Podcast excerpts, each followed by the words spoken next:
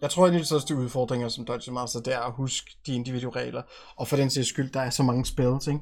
Og når du har to eller tre øh, spillere på dit hold, og du er Dungeon mm. Master, og de alle sammen kaster spells, og, og de siger, jeg har den her nye spil, jeg gerne vil kaste, jeg har lige lært den efter stay level, eller jeg har fundet den her scroll, ja, den bruger jeg lige. Hvordan er det, den er? Og siger, oh, jeg skal lige læse den, ikke også, for der er så mange. Ah. Ja. Yeah, og det, sådan er det magi. bare. Sådan er, ja, magi. Mm. Hvordan gør du det? Kortet er væk, jeg ved det ikke. Hej, vi er Adventure Smiths, en Dungeons and Dragons podcast for nybegyndere og veteraner. Mit navn er Jens Ravn. Og mit navn er Magnus Persson Jensen. Vi vil gerne byde velkommen til podcastens første episode, hvor vi skal snakke om Dungeons and Dragons for nybegyndere.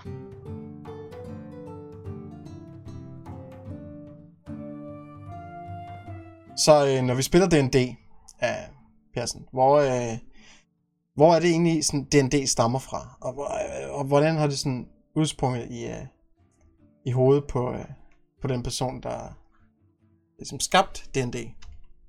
Jamen, Dungeons Dragons, eller D&D, som man bare kan sige for kort, mm-hmm. øh, er helt tilbage fra 1974, ja. hvor den første version blev lavet af et par kloge nørder i deres kælder.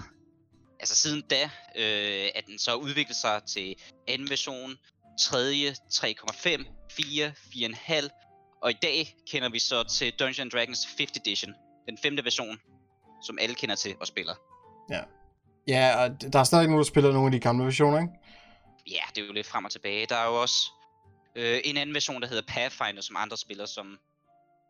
Den er lidt nyere lavet, men den minder lidt om det gamle. Det er jo, hvad folk har lyst til, og der er også alle mulige andre øh, brætspil, der minder om det, der er inspireret af Dungeons Dragons. Ja, det er rigtigt, ja.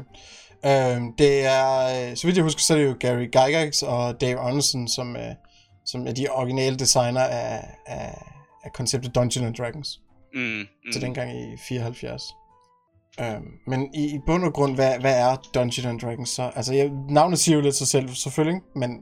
Ja, det er Dungeons and Dragons, det er grotter, fangekilder og, og drager. Det, jamen, det er jo et fantasy, det er eventyr, det er din egen version af Ringenes Herre, eller hvad du nu har lyst til.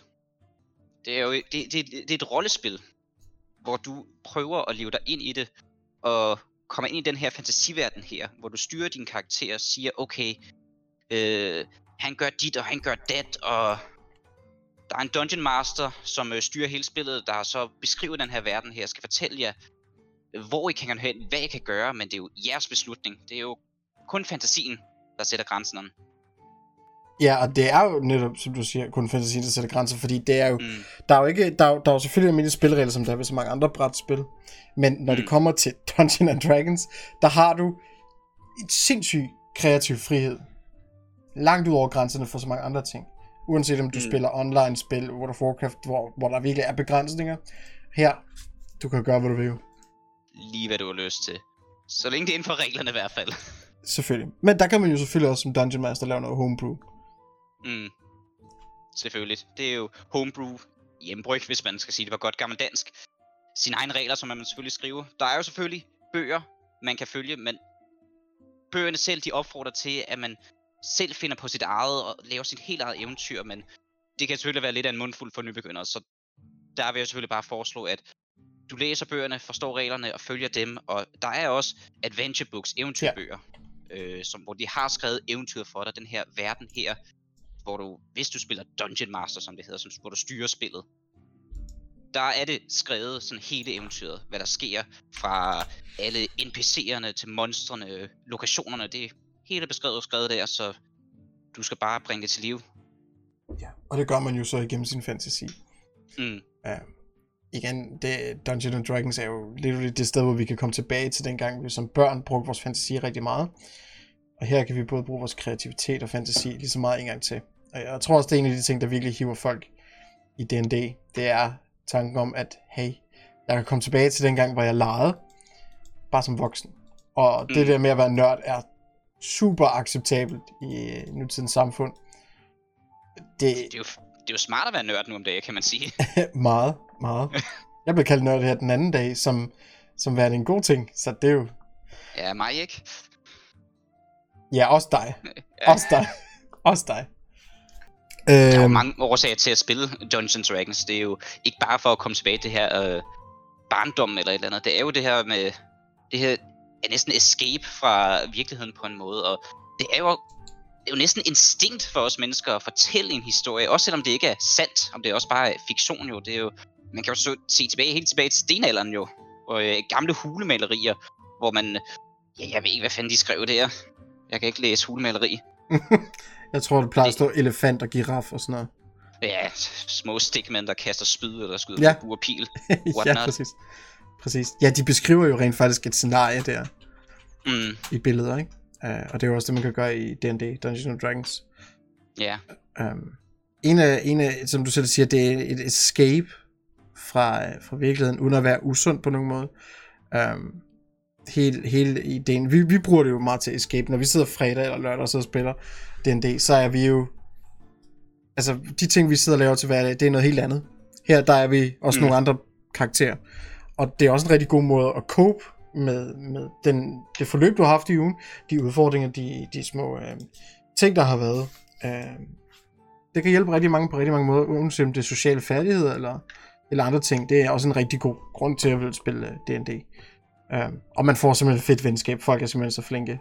Øh, der, er, der er selvfølgelig også nogle undtagelser, men jeg har mest oplevet af flinke mennesker, og folk har forståelse for, for konceptet af spil, ikke? Mm. Øh, hvis vi skulle komme op på tre grunde til, hvorfor man skulle spille D&D, ud over de ting, vi har nævnt. Hvad skulle det så være? Altså for mig øh, vil nok noget af det første i hvert fald være et slags, hvad skal man kalde det, et creative outlet af en slags. Jeg har i, øh, nogle år i hvert fald rodet med, at jeg sådan altid gerne vil lave et, øh, et spil i hvert fald. Bare, bare sådan en simpel RPG-spil af en art i hvert fald, med det er godt gammel Pixels uh, JRPG inspireret i hvert fald, og det kom jeg aldrig rigtig i gang med, fordi der, der var visse dele af det, hvor det bare sådan lidt var åh, nederen, og jeg havde ellers program til det, så jeg ikke behøvede at kode det fra bunden af. Det er der, der var selvfølgelig noget kode, hvor jeg kunne gå rigtig ind i det. Men det var bare sådan lidt, det var bare åh. Og så var det så, at jeg begyndte at spille noget Dungeons Dragons, så var det så en så, det, det var det her, det var den her historie her, jeg gerne ville fortælle om den her karakter, eller den her verden her, der gerne skulle uh, explores, opdages det var det, jeg havde brug for. Ja. Det, det, det, det, det er en meget personlig uh, historie at smide ind på det faktisk. Uh, det giver god mening. Mm. Uh, for mig selv, der er det jo ligesom meget også, at jeg har godt mærke, når jeg begynder at komme op i årene, at, at online uh, MMORPG gør det ikke rigtigt for mig mere. Jeg, jeg har fuldstændig stoppet med at spille World of Warcraft. Jeg har, jeg har endda installeret det også totalt. Um, oh. Ja, det har jeg. tror, at de eneste spil, jeg har på, uh, på Blizzards lige nu, det er, uh, det er sgu Diablo. Det er det eneste. Uh, og det spiller jeg heller ikke særlig meget lige nu. Lige nu, der har jeg mest fokus på, når det kommer til gaming, at det er D&D. Fordi kreativ, vi har ikke nogen borders, der siger, ah, ah, du kan ikke gå op ad det her bjerg her, fordi du skal gå udenom bjerget for at komme op til den her quest. Doesn't matter. If you want to climb the, the mountain, you just have to do a roll. Mm. A skill check. Um, jeg tror simpelthen, det er det. Også fordi, det er en ny verden. World of Warcraft er kæmpestort. Um, og jeg tror, hvis man som gamer savner lidt noget nyt, og et sted, hvor du ikke bare laver en class, men går helt ned i baggrund, og du ved, at din Dungeon Master kan sige, det spiller vi bare på. Vi gør, så gør vi sådan her. Hvad er det, du gerne vil have? Jeg tænker lidt en Warlock, men i stedet for min patron er sådan en ond dæmon ting, eller en eller anden gud, så er det bare en, et fag øh, person, som har nogle kræfter, de kan give mig, og så kan du sådan bygge videre på det, og så sidder man som Dungeon Master, okay, jamen, øh, der er den her gruppe af mennesker, du skal gøre de her ting her, for at få mine kræfter og sådan noget. Der er den her squire, der følger dig, men er ikke under dig som sådan, men reporter til mig, og du skal selvfølgelig for at gøre for de her ting. Så der er ikke en person, der hjælper dig, men ikke som slave eller servant. Ja, mm. Og så kan man gøre de her ting. Du får det her pet her, du kan, du kan gøre de her ting. Du får den her starting guld. Er der noget andet, du tænker ind over? Familie og sådan noget. Så sidder man sådan, jo, men hvis jeg er Dragonborn, så øh, hvad, hvad så? Jamen altså, i mit campaign siger Dungeon Master som regel, der er den her slags farvede Dragonborn har ikke nogen hale, for de var som slaver. Jamen, det er den farve, jeg godt kunne tænke mig at være, så jeg har ikke nogen hale. Nej, øh, du, enten har du været slave, eller så har du fået hugget af, og så har du ikke rigtig noget at være slave, det er sådan op til dig. Men du bygger selv din familie. Og så sidder man og fortæller sin Dungeon Master, jeg har det her, det her i tankerne med min familie. Og man sidder sådan frem og tilbage, og det gør man alene med sin Dungeon Master. Og det gør de andre spillere også. Og når man så bygger det op, så kommer man ligesom hen, og så siger man så, okay, så er det det her. Og det er simpelthen det, jeg, jeg synes, der er det fedeste, det er, du går ikke bare ind i en character creation menu, vælger et eller andet, du kan, du kan literally se, hvordan dit tøj ser ud. Du er ikke bundet af alle de der ting, og jeg tror også, det er derfor, jeg ikke spiller MMORPG længere. Ja, det, det er jo det, der, der adskiller Dungeons Dragons fra ja, de, alle de her RPG-videospil, som vi kender. World of Warcraft for eksempel, eller Elder Scrolls, og ja. Ja, Witcher, og jeg ved ikke hvad. Det er jo, I Dungeons Dragons, der kan du jo gøre næsten lige, hvad du har lyst til i hvert fald. Afhængig af, hvordan spillet er sat op, afhængig af, hvad for en Dungeon Master du har til at styre spillet i hvert fald. Mm. Og det kan måske ikke være rigtig overvældende for nye spillere, men det smarte ved den nyeste femte version, 5th edition af Dungeons Dragons, som de fleste spiller nu om dagen i hvert fald, det er jo, at den er designet til at være til en vis grad mere simplistisk, nemmere at forstå for nye spillere i hvert fald. Der er sindssygt mange easy, simple guidelines at følge i hvert fald. Sådan, den fortæller dig, øh, hvis du skal lave bare sådan en quick build, eller et andet, sådan, okay, du vil gerne være en paladin, okay, så skal du helst have høj strength, og du skal også helst have okay karisma, og så øh, eventuelt have noble backgrounden, og det er bare sådan noget der, og den, den, den spørger dig også sådan, giver dig mulighed for, okay, din karakter var måske her, hvor han voksede op og lærte, øh, ja, øh, eden om med, med paladin og sådan noget. Det, den, den tilbyder dig alt, og så samtidig gør den det muligt for dig, at du kan gøre næsten hvad du har lyst til. Kun fantasien, der sætter grænserne igen. Mm. Og det er jo vigtigt, at vi, vi virkelig sådan sætter punktum ved det. Det er altså bare fantasien. Hvis så længe du har det, og du stadigvæk ligesom kan de ting, så har du ikke noget problem med at spille D&D. Og selv hvis det kun er en lille smule du, fantasi, der har, så er det nogle gange rigeligt. Især mm. fordi du hurtigt kan finde inspiration hos de andre spillere i gruppen, eller din Dungeon Master. Uh, ja, uanset om han er ny. Det er det eneste jo, der man kan ja. alt på internet nu om dagen. Ja. Der er masser af inspiration der. Mm. Um, men ja, bøgerne er rigtig gode. Uh, der var jo med Pathfinder, der har det jo næsten den mængde skills, der er i D&D 5th edition, 5. udgave der, der uh, er der i Pathfinder næsten dobbelt så mange forskellige skills. at vælge imellem. Uh, og, og det er jo, det er jo det kan virkelig være overvældende for nye spillere. Nogle veteraner vælger at skifte over på det, fordi de måske mangler noget nyt. Jeg er ret komfortabel med 5th edition og regner ikke med at skifte fra det sådan i forløbet. Mm. Um, så ja, der er, mange, der er mange gode grunde til at spille det. Jeg tror, at uh, kreativiteten i det, og sammenholdet, og alt, alt det ja, der. Ja, og som du også selv sagde tidligere, det sociale det er i hvert fald, det mener jeg i hvert fald også, det er sindssygt vigtigt. Nu er jeg jo selv meget introvert i hvert fald. Det blev bedre her de sidste par år i hvert fald med, at jeg har nemmere ved at åbne skælden op, eller hvad, hvad man skal kalde det. Men det, det hjælper altså virkelig, at man står her og snakker og bliver næsten smidt ud i sådan et scenarie der, hvor man skal prøve at spille en helt anden person. Det, gør virkelig noget i hvert fald. Nu spiller jeg kun med mennesker, jeg, øh, jeg kender, men det her Dungeons Dragons, øh, hele den her community her, den er næsten bygget på, at du ja, går online, eller snakker med fremmede, eller i, på et andet øh, tidspunkt på året, som ikke er nu i hvert fald, at du går ud til den nærmeste spilklub og finder nogen at spille med der i hvert fald, som du måske ikke har snakket med før. Ja, der er jo rigtig mange områder, især i folks øh, nærområde, der har de her små steder, hvor de siger, hey, mm. vi kører det her, kom og vær med. Lige altså, præcis. Og de reklamerer jo også forholdsvis godt for det. Altså, der er der mange mennesker, der ikke kender til det, måske har hørt om det, tænker, det lyder mærkeligt. Og det lyder også mærkeligt første gang, hvad er D&D? Altså sådan Dungeons and Dragons, Nå, okay, man har set en film om det, ja. eller et eller andet ja, det, det virker yes, Ja, nu ved jeg jo, at øh, jeg tror, hvis da jeg begyndte at, for, da jeg prøvede at forklare min øh, far det, og min storebrors kæreste og sådan noget, sådan, øh, jeg, jeg, jeg skal så smutte her kl. 8, for jeg skal altså hjem og spille Dungeons and Dragons. Så var det så, nå okay, det, det er det der, de spiller i øh, Big Bang Theory, ikke? Og sådan noget. Nå ja. ja. Der er lidt den der stigma med, at det er sådan en nørdet ting der. Men det er altså virkelig alle kan spille Dungeons Dragons, og det er virkelig næsten alle, der spiller det nu om dage. Min søn, han kan også godt lide det. Jeg har hedder med en par gange, så spillet med ham og min forlovede bare. Uh, han er faktisk også i vores kampagne lige nu, vi så spiller, uh, hvor jeg er Dungeon Master, der uh, har han jo faktisk en karakter der i også. Som er en Barbarian Orc, Halorc. Ah, oh, ja. Men ja, han, han har en Barbarian Halorc, og det første var simpelthen, at han, de, ham og min forlovede, hendes karakter, som uh, hun ikke spiller med lige nu, som stadig er ikke i historien, men de, øh, de nakkede en Young Dragon. Det var, det var specielt. Sjovt. De fik også en del hjælp af, af byen, som den angreb. Uh, men, mm. men altså børn, især børn, de kan virkelig, og især hvis du kan Dungeon Master. For eksempel, du har jo, du har jo en karakter, uh, Baldane, ikke? Ja, Baldane Ironsoul, det er, han er en uh, dwarf cleric. Ja, og som du selv siger, du har været, du har været meget introvert på det og det blev bedre med årene. Men mm. at skal sidde med mennesker kan godt virke intimiderende, især hvis mange af dem sidder måske og, og roleplayer deres karakter helt ned til posture, hvis man sidder og spiller sammen, og ikke online, til, til simpelthen voice acte sin karakter. Jeg har ja. jo min, min karakter hos dig, hvor jeg har Valens, som, som lyder meget sådan eksotisk, men lidt på en falsk måde, fordi det er han har lidt en anden accent, så han bruger sådan to accenter, og prøver sådan lidt at skjule ja, han, Du skifter meget mellem to accenter, og en gang er det lidt forvirrende, og nogle gange skulle man ja. tro, at hvad, har du glemt, du spiller din karakter? Men det er jo en del af hans karakter, og han prøver at lade som om, men han, han taber. Så du, du spiller en karakter, der spiller en karakter næsten, kan man exactly, sige. Exactly, Men han det... er jo også det, der hedder en, en changeling, en race, der kan skifte sit udseende, bare ja. ved at tænke på det næsten. Præcis, og ja. han kan gøre alt. Pup. Yep, og det er lige meget om det er... Fra, du kan gå fra Brad Pitt til Danny DeVito på et sekund. Det er der, der, er, der er også nogle sådan lidt not safe for work aspekter af ham, men ja. det, det, er, det, er ja, lidt, det... Det, det er lidt sjovt, det er lidt sjovt. Der snakker han jo meget sådan, my name is uh, Valens uh, Weiss uh, Rotsley Bonnell the, the third. Uh, I am this and this, and I'm a wizard, and I cast this. Og nogle gange, der snakker han bare sådan helt normalt. Uh, usually I do things like that, og det kan virkelig, som du siger, være totalt forvirrende.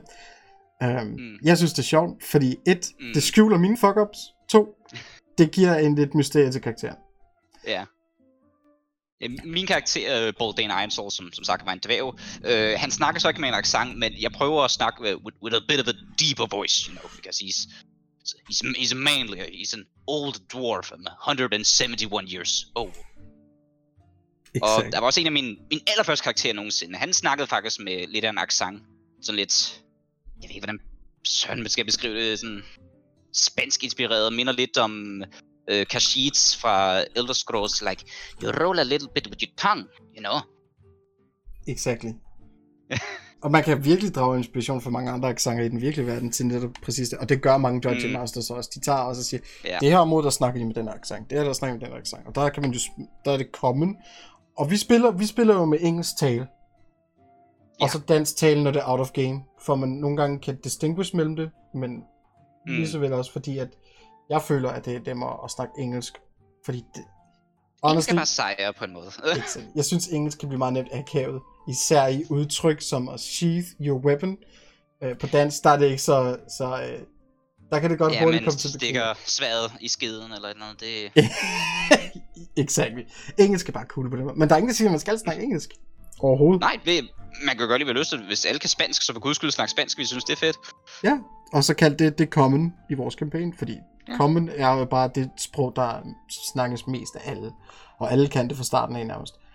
Ja, der var også øh, i, i et enkelt, øh, et lille D&D-spil, jeg lavede, et one-shot, som det hedder, som bare er en enkelt dags spil, jeg lavede med nogle andre kammerater, som var meget interesserede i at prøve det for første gang der øh, er der et sprog i det, der hedder Celestial, som er det englene og guderne, de snakker i hvert fald det Celestial himmelsk. Og jeg ved ikke, hvordan pokker de, øh, kammeraterne kom på det, men de blev simpelthen enige om, at Celestial, det lyder præcis som tysk. Så hver gang de skulle snakke Celestial til hinanden, det var så heldigvis ikke så ofte, så var det tysk, og jeg kan ikke skide tysk. ja, det føler dig så lidt off, når du er Dungeon Master, ikke?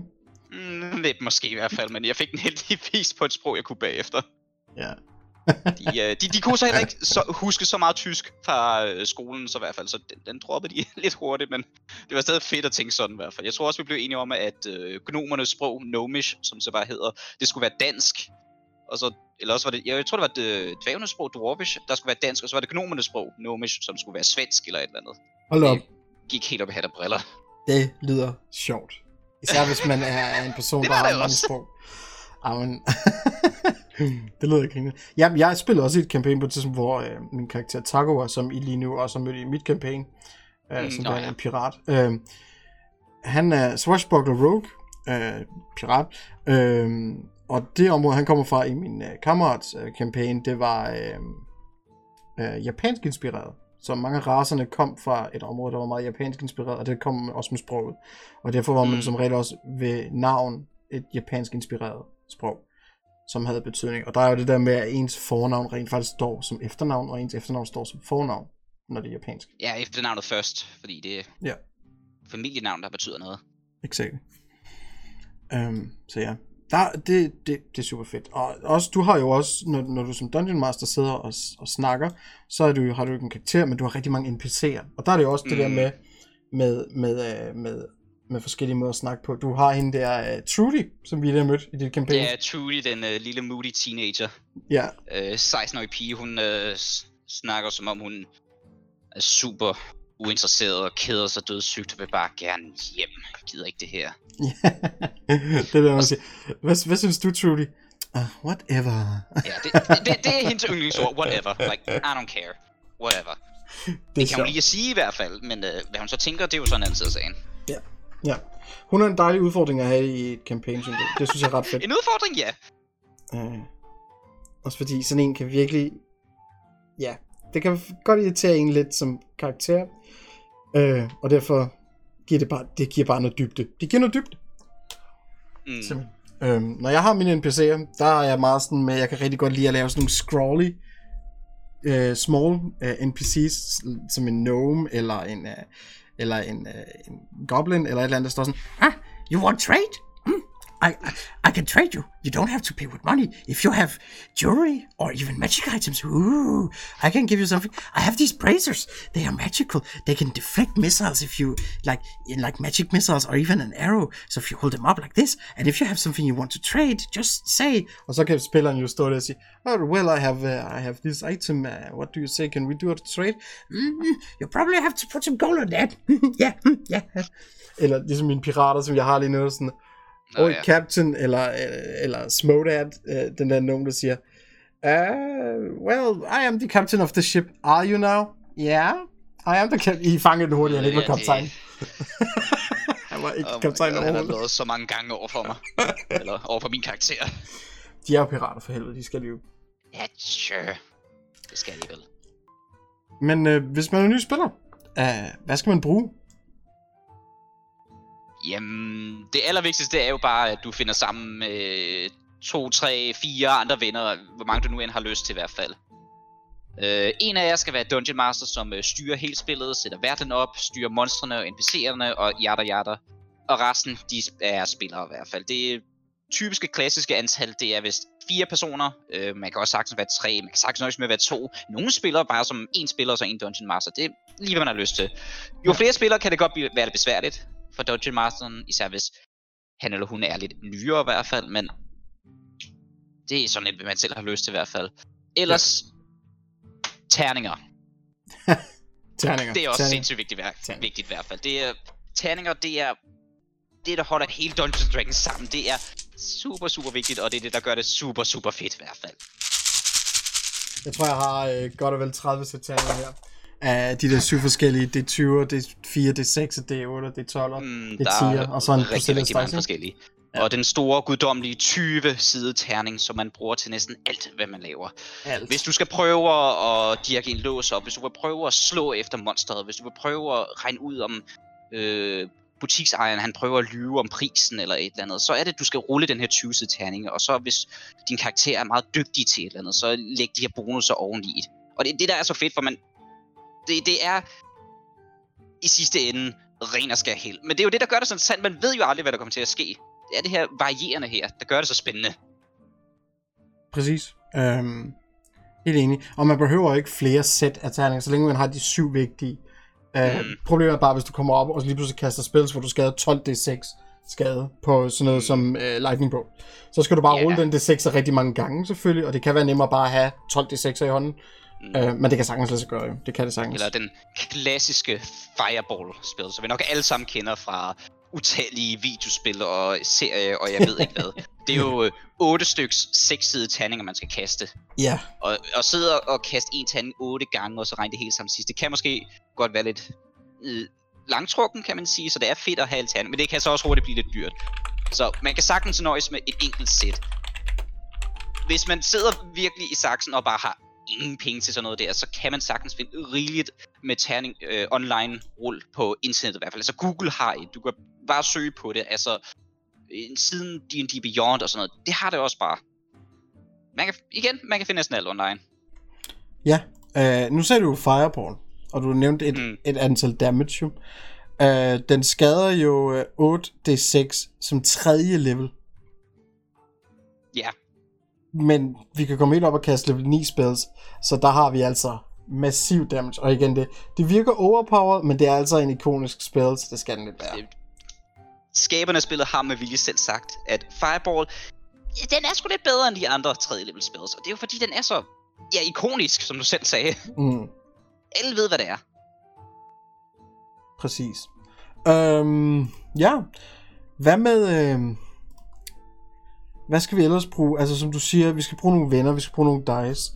Øh, men, og du skal bruge en, der er Dungeon Master. Og så nævnte du selvfølgelig, at man kan sagtens sidde og være Dungeon Master og spiller. Det vil jeg også øh, sige, det kan du godt. Øh, det, det, det skaber måske bare ikke så meget dynamik, men det kan sagtens lade sig gøre. Jeg har overvejet at bruge det flere gange, men det var mere til at skabe mm. en villain. I mit campaign, der har jeg oh, ja. jo to andre villains, som I har mødt eller hørt om et par gange.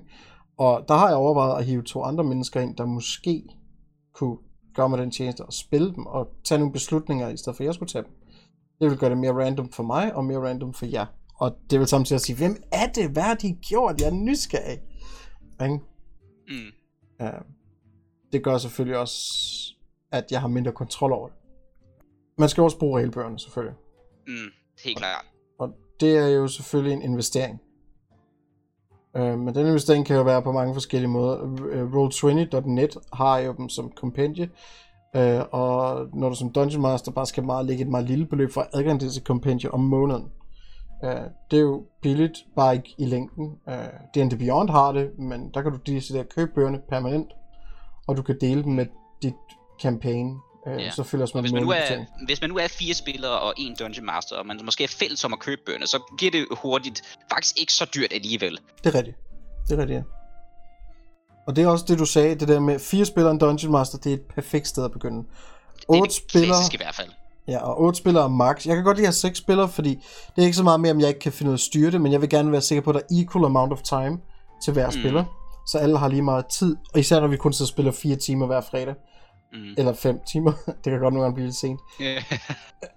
så vil jeg gerne være sikker på, at alle har mulighed for noget deres ting. Og combat mm. skal man også føle, at man kan nå sin tur, og man ikke sidder for længe og venter, ikke? Ja. Oh ja, det, det er jo vigtigt, at øh, man, man selvfølgelig sørger for at give plads til alle spillere. Det, det er jo sindssygt vigtigt. Man skal jo huske, Dungeons Dragons, det er jo ikke et alle mod alle spil. Det er jo ikke et Battle Royale, vi er gang i her. Det er ikke et competitive Call of Duty game eller et eller andet. Man spiller for at fortælle en historie, og for at have det sjovt i hvert fald. Og vi skal alle samarbejde om det. Også DM og spillerne. Ja, helt enig. Øh, det fører os jo også videre til, øh, til det der med at respektere sin Dungeon Master et eller andet sted. Øh, men Dungeon Master ligger virkelig meget arbejde i det. Mm. Du kan selvfølgelig bare wing det hele og bare sige, at jeg improviserer alt. Ja, det duer det... ikke rigtigt, det kan godt lade sig gøre, det duer bare ikke Der er altså nogle gange, hvor man er nødt til at gøre det, hvor man tænker, okay, jeg har sat den her mega fede grotte op, med edderkopper og zombier, og... Men hov, så går spillerne sydpå i stedet for nordpå, sådan lidt, oh, shit, hvad gør jeg nu? Ja. Så er det jo, man er nødt til at improvisere. ja, der kommer improvisation virkelig til at komme igennem, så skal du sådan, okay, um, I fortsætter, I går cirka en times tid, og så hører I et eller andet i skoven, der brøler. Det, dit narrative, og den måde du narrative på, det giver dig også tid til at hurtigt at finde, jeg skal finde et monster nu. Det var bare et mm. brøl, så de vil sikkert gerne rulle for at høre, hvad er det for brøl, er det noget, jeg har hørt før? Og så i mellemtiden kan du sige, du ruller bare lige en gang et uh, nature check, uh, som er et tilfælde af, fordi det er naturen, du hører ting i, og det er noget, det er dyr, så det er naturen.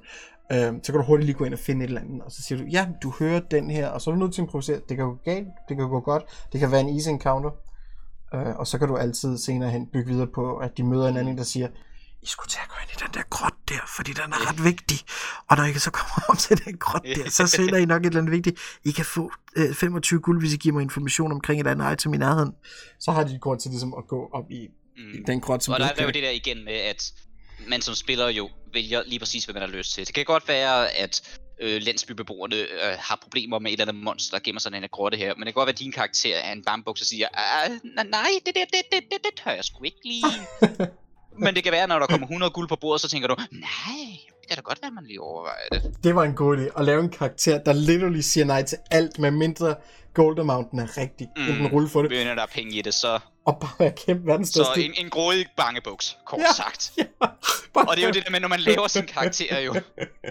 lav, lav en karakter, der er så bange for alt supernatural. Ik- ikke det der måske er virkelig, og sådan en hund og en ulv og sådan noget, men alt det snart det er supernatural, bare i nærheden af det, så kommer det med med alt på den mængde penge, du lægger på bordet, før han gider tage det job. og han siger nej, selvom resten af spillet siger, det gør vi det bare. Ah, nej, nej, jeg, jeg vil gøre det ikke, og der skal virkelig meget persuasion på det, altså, ikke? Mm. Og det er jo det, der, når man laver sin karakter, man skal jo ikke bare, ligesom i World of Warcraft, du vælger din race, og du vælger din class, som det hedder, så okay, jeg er en Tauren warrior, bum, færdig. Der er lidt mere i det i hvert fald.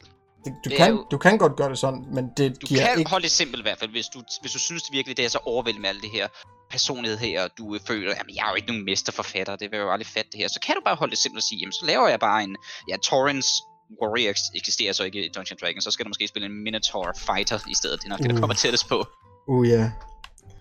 Yeah. Øh, men det andet giver mere dybde til ens karakter, mm, og man mm. opdager også, også meget hurtigt, at det, det vil være fedt at have. Og spillet hjælper dig også. Der er i bøgerne i hvert fald øh, en øh, guidelines, der hjælper dig med at give din karakter øh, personlighedstræk, øh, idealer, mål og sådan noget i hvert fald. Det er jo Øh, som sagt, du vælger din race, du vælger din class i hvert fald, mm-hmm. og så mhm. vælger du også det, der hedder en background, en baggrund. Det er jo de, yeah. en simpel forklaring af din baggrundshistorie. Du er måske en rig aristokrat eller et eller andet, der vokser op øh, i en privilegeret familie med masser af penge. Så er du en noble i hvert fald, så du ved lidt mere om at overtale folk, og du har også lidt viden om historie i hvert fald. Og du, du øh, har, din familie har haft råd til lidt uddannelse, så du kan også lidt ekstra sprog i hvert fald. Og folk øh, genkender dig og din families navn, så det kan være, at de giver dig lov til lidt, lidt ekstra måske. Og du starter måske, din, karakter på level starter måske også med lidt ekstra guld, kan man sige. Mm. Og så er det jo så, at du får øh, den her lange række øh, personlighedstræk, du kan vælge imellem. Og hvis du ikke kan bestemme dig, så igen, er du velkommen til at lade terningerne bestemme. Det er det helt sat op til. Så ruller du bare en syver. Okay, min karakter han er sindssygt arrogant, og han nægter at snakke med pøben. Hvad, hvad skal vi prøve at bare hurtigt lave en easy character i level 1? For at give et eksempel på det. Okay, jamen jeg har det åbent her. Ja. Øh, med de ting, ja, at, alt det der med at, uh, advancement type, der kører du selvfølgelig XP, altså experience, erfaringspoint og sådan noget, ikke? sådan så du ligesom kan bygge det op og komme op i næste level. I mm. det tilfælde er det ikke så vigtigt. Og med hit points, du ruller for, der holder vi den bare på fixed, for igen, det er ikke så vigtigt. Lad os vælge en race. Der er jo mange ja, at vælge imellem der er jo så mange vælge. Hvis vi holder os til øh, de klassiske racer i øh, Players Handbook, mm. den første originale bog, men nok en god idé at starte med i hvert fald, der har været omkring ni racer, mener det er. Der er selvfølgelig humans, vi har vores elves, og halflings, som er hobitter, ligesom Ringens Herre, hvis man er i tvivl. Der mm. er dvævene, og jeg skal give dig skal. Der er jo rigtig mange at vælge mellem. Det er afhængig af, hvad for en race du vælger mellem. Så får du lidt øh, bonuses, for eksempel. Hvis du for eksempel vælger en dwarf i hvert fald, de er jo de er tykhud, de kan tage lidt mere end andre i hvert fald, så de får plus 2 i det, der hedder Constitution. Så de har måske lidt ekstra HP, og hvis de nu tager, vælger at drikke sig i hegnet eller et eller andet, så har de lidt øh, nemmere ved at holde sig ædru. Ja, præcis. Uh, jeg sidder her og kigger på alle de raser, jeg har adgang til på D&D Beyond. Jeg kan tælle cirka mellem 30 til 40 forskellige raser, man kan vælge. Men ikke? Det ja, er, det... er så ekstensivt. Men skal vi tage en dværg? Vi kan godt holde det simpelt og sige, at vi tager en dværg i hvert fald. Okay, så og så også... afhængig af, hvad for en, en race du vælger, så kan det være, at der er nogle af de her sub-races i hvert fald. For eksempel, øh, ja, et klassisk eksempel vil jo nok være elverne. Der er jo mange forskellige elver i forskellige spil. Der er jo, som i World of Warcraft, der kender vi jo Night Elvesne og High Elvesne, som nu hedder Blood Elves. Mm, dem og, har vi også men her, i Dungeons and Dragons, der har vi jo Wood Elves, vi har High Elves, øh, der er Dark, Dark Elves, Elves som ja. vi er kaldt som Drow normalt, og der er rigtig mange forskellige der jo. Eladrin Elves, Sea Elves, mm, altså det mm, er åndssvagt. Ja, det Og dvævene, de har så... Great. I det her tilfælde to subraces i hvert fald. De har en okay. Hill Dwarf, og de har en Mountain Dwarf. Ja, det er rigtigt, ja. Det er, det, det er de basiske ting. Hvad for en skal vi tage? Hill eller Mountain? Mm, jeg føler, vi skal tage en Mountain Dwarf i hvert fald. Vi tager en Mountain, mountain Dwarf. Og de får så lidt ekstra strength, fordi de er lidt stærkere i hvert fald. Og de, øh, lærer vist også at bruge nogle ekstra våben. De får faktisk ekstra Constitution. Som en racial trait. Ja, du, det, det er den originale dværg, der får det, jeg er ret sikker på. Ja, Mountain Dwarf. Den helt dels klassiske for Players Handbook. Plus 2 i Constitution og plus 2, altså plus 2 Constitution, det kommer fra dvæven. Alle dvæve får det. Ja. Og så er det plus 2 strength, fordi du har valgt Mountain Dwarf. Det, det, det er nok rigtigt, ja. Det er nok rigtigt, ja. Uh, så skal man vælge tool proficiency. I det her tilfælde er det ikke så vigtigt, vi tager bare Brewers tool, fordi dvæv. Ja, dvæve, de kan... det, altså, dvæve, de bliver født med øh, en økse i den ene hånd, og så en øh, kop øl i den anden. Måske en hammer eller et eller andet. Det, de er smede. De elsker øl. Det, det er bare klassisk. Præcis. Uh, så skal vi videre vælge en class. Uh, ja. Skal vi tage den klassiske sin fighter, eller en barbarian? Jeg vil nok tage en barbarian i hvert fald. Det er jo... Ja, vi tager bare en barbarian. Det er rage og gå amok slås ting. Det, ja, det er barbarian, det er berserkeren, det er fury warriors. Det er bare full on rage. Mm. Og der følges også nogle, nogle forskellige ting med, som man får i level 1, og nogle andre man får op i højere level og sådan noget. Men det skal vi selvfølgelig ikke komme ind på. Uh, vi skal vælge to proficiencies. Jeg tænker uh, athletics. Ja, det er jo så her, du vælger, hvilke skills du er rigtig god til. Og der er det jo ja. så, ja, du, i det her tilfælde måske kan vælge athletics i hvert fald. Hvor du måske er bedre til at løfte, hoppe og løbe i hvert fald. Du er fysisk stærk i hvert fald. Og det giver jo perfekt mening til den her karakter her. Du er en mountain dwarf, du har ekstra god strength, styrke, og du spiller en barbarian, så det, det giver jo sig selv, at du er meget atletisk. Ja. God. Uh, og så er der sådan noget som animal handling, han kan få. Der er nogle, der er nogle skills, du kan vælge for til en mm. mountain dwarf eller en barbarian, uh, som er dem her, du får. Du kan ikke bare vælge imellem alle sammen, du kan vælge nogle specifikke. Uh, så jeg ved ikke, nature, perception, intimidation. Skal vi tage intimidation? Bare tage intimidation, det giver jo mening i hvert fald. Okay, nu har jeg lige set en stor farlig barbarian, men nu har vi jo valgt en dvæv i hvert fald, men ja. det er jo ikke ens betydende, man ikke er særlig skræmmende. Og han har 12 hit points til at starte med i level 1. Og så mm. skal vi vælge ability scores. Der er nogle tre muligheder. Standard array, manual og point by. Standard array og point by ligner lidt hinanden. Bortset fra den ene, det er de tal, du vælger at sætte ind forskellige steder. Det andet, det er point, du sætter ind. Ja, det er jo så standard array, det, som giver dig øh, specifikke mæng- øh, mængder af tal i hvert fald. Du får en 15, 14, 13, 12, 10, 8, så vidt jeg husker. Og så placerer yep. du dem i de seks forskellige øh, ability scores, du har ved med Og det er jo strength, intelligence, wisdom, charisma, constitution og dexterity. Du kan også vælge at rulle dem selv ud af nogle D6'er. 3 D6'er. Yes. Eller som jeg kørte med 4 D6'er, og så trække den mindste fra, og så lægge de tre sammen, og det gør du seks gange, ikke? Mm. Det er jo, hvad man så lyst til jo. Ja, og der kan jo selvfølgelig være nogle, nogle fordele, men også nogle ulemper ved det. Uh, nogle bliver yeah. overpower, andre bliver underpower. Mm. Um, og der er jo så også point buy, som du nævnte tidligere, og det er jo, at du har en øh, omkring, jeg tror det er omkring 27 point, du har. Ja, og så præcis. placerer du, hvor, hvor end du har lyst til, i de forskellige score i hvert fald. Og du kan have op til 15 i en øh, stat i hvert fald. Det er ikke noget med, at du kan sige 20 øh, øh, max. 20 det er det maksimale, du nogensinde kan opnå. Hvis du skal højere end det, så skal du have meget specielle magiske ting, der gør dig bedre til det. Ja, helt enig. Men øh, point buy, det kan til en vis grad godt virke en lille smule kompliceret i hvert fald. Den, of, den tilbyder lidt mere, øh, hvad skal man sige, øh, øh, fri mulighed i forhold til den der standard array, som jeg nævnte tidligere. Men mm. som sagt, den kan måske være en tand mere kompliceret, så der vil jeg måske sige, manual, øh, hvor man bare ruller, det kan måske være den bedste for, at ja, det, det er jo sindssygt sjovt bare at rulle efter det, men det kan måske blive lidt ubalanceret i hvert fald, hvis jeg nu ruller en, ja, hvis jeg ruller en enkelt øh, 18, og så resten af dem, det er bare 4, 4, 4, 4, 4 derudaf. Mm. Ikke lige den bedste karakter, man får ud af det. Og så ser man på sin teammate, som har slået 16, 14, 15, 14, 16, 17. Mm, det er bare præcis. sådan lidt... Uh, uh. For nemmens skyld, så tager vi point by på den her. Jeg tænkte 15 i strength og 15 i constitution, eftersom det også er vores saving throws. Mm, og det står der også i play handbooken i hvert fald, at når du er barbarian, hvis du er i tvivl, så går strength og så går constitution. Ja. Uh, 13 i, i dex har jeg sat på, fordi vi vil gerne være noget højere AC også, for at kunne undgå, fordi vi mm. har ikke noget armor på. Med dexterity, der er du hurtig i hvert fald, og ja. det gør dig bedre til at undgå Præcis. 8 intelligence. Jeg ved godt, det er under 10, og han så for minus 1. Men, øh, Men... Det, det er lidt en klassisk... øh, mås- måske lidt en stereotyp, eller øh, kliché kan man sige, men det skulle altså sjovt at lave en dum barbar. Det, og ikke fordi, at de ikke nødvendigvis ikke kan tælle eller stave, men jeg spiller som regel med, at hvis du har under 10 i intelligence, så har du altså mm. problemer med at kan stave og regne. mm. og tælle generelt. Yeah. Uh, 10 wisdom, 10 charisma, færdig. Boom. Det er det. Så kommer vi til description. Det der, som du nævnte med background, ikke? Ja, en baggrundshistorie i hvert fald. Og ja. igen, hvis man er i tvivl, så Player Handbook, den giver dig også forslag til, hvad for en baggrund du kan tage. Jeg mener, som Bob, øh, når du spiller Barbarian, så foreslår bogen, at du kan tage Outlander background, hvor du er øh, rejst langvejs fra, og du er god til at finde mad, og du og, er god til at overleve naturen, så du har visse uh, survival skills, overlevelsesevner i hvert fald. Du er Bear Grylls, kort sagt. Præcis. Hvad skal vi tage? Skal vi tage øh, den med Bear Grylls? Ja, det tænker jeg i hvert fald. Outlander, hvor har vi derhen? Der er rigtig, rigtig mange igen. Her er der rigtig meget at vælge imellem. skal vi se en gang. Den ligger der. Jeg fandt den. Aller nederst næsten. Så skal vi vælge et skill.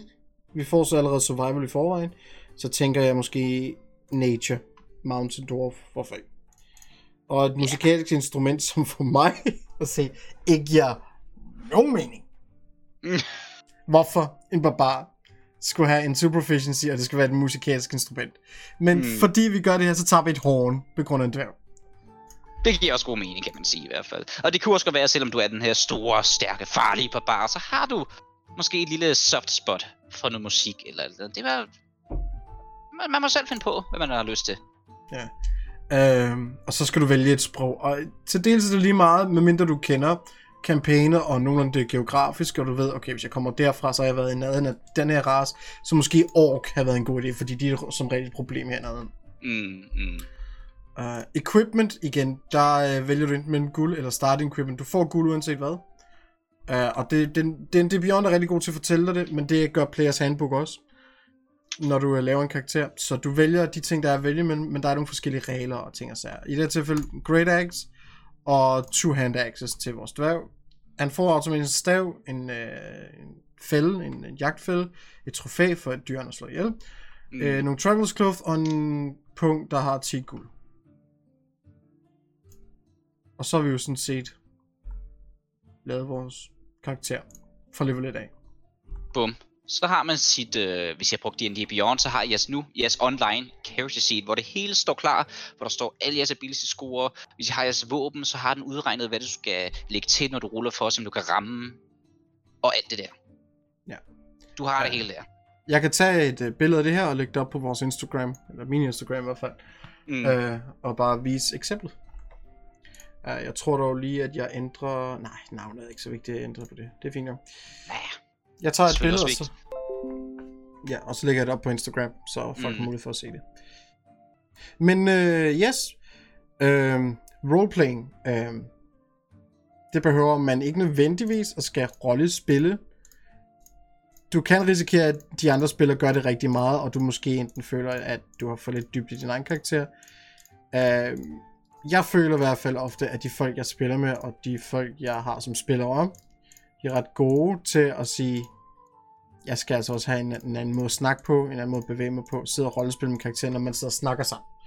Og det mm. gør man jo også in-game i det her tilfælde. Der sidder man ligesom og siger, hey, uh, Aldane, what do you think about uh, this? I just made it, uh, um, considering maybe selling it. Og så sidder man ligesom og roleplayer sin karakter med de andre mm. spillere. Det kan godt føles for nye spillere lidt underligt, og måske grænseoverskridende. Men hvad gør man så? hvis man er Dungeon Master, eller hvis man er spilleren, der står i situationen? Jamen, hvis øh, du synes virkelig, det er... Hvis du, hvis du gerne vil have noget personlighed til din karakter, men du sidder bare og ikke aner, hvordan, hvor du skal starte i hvert fald.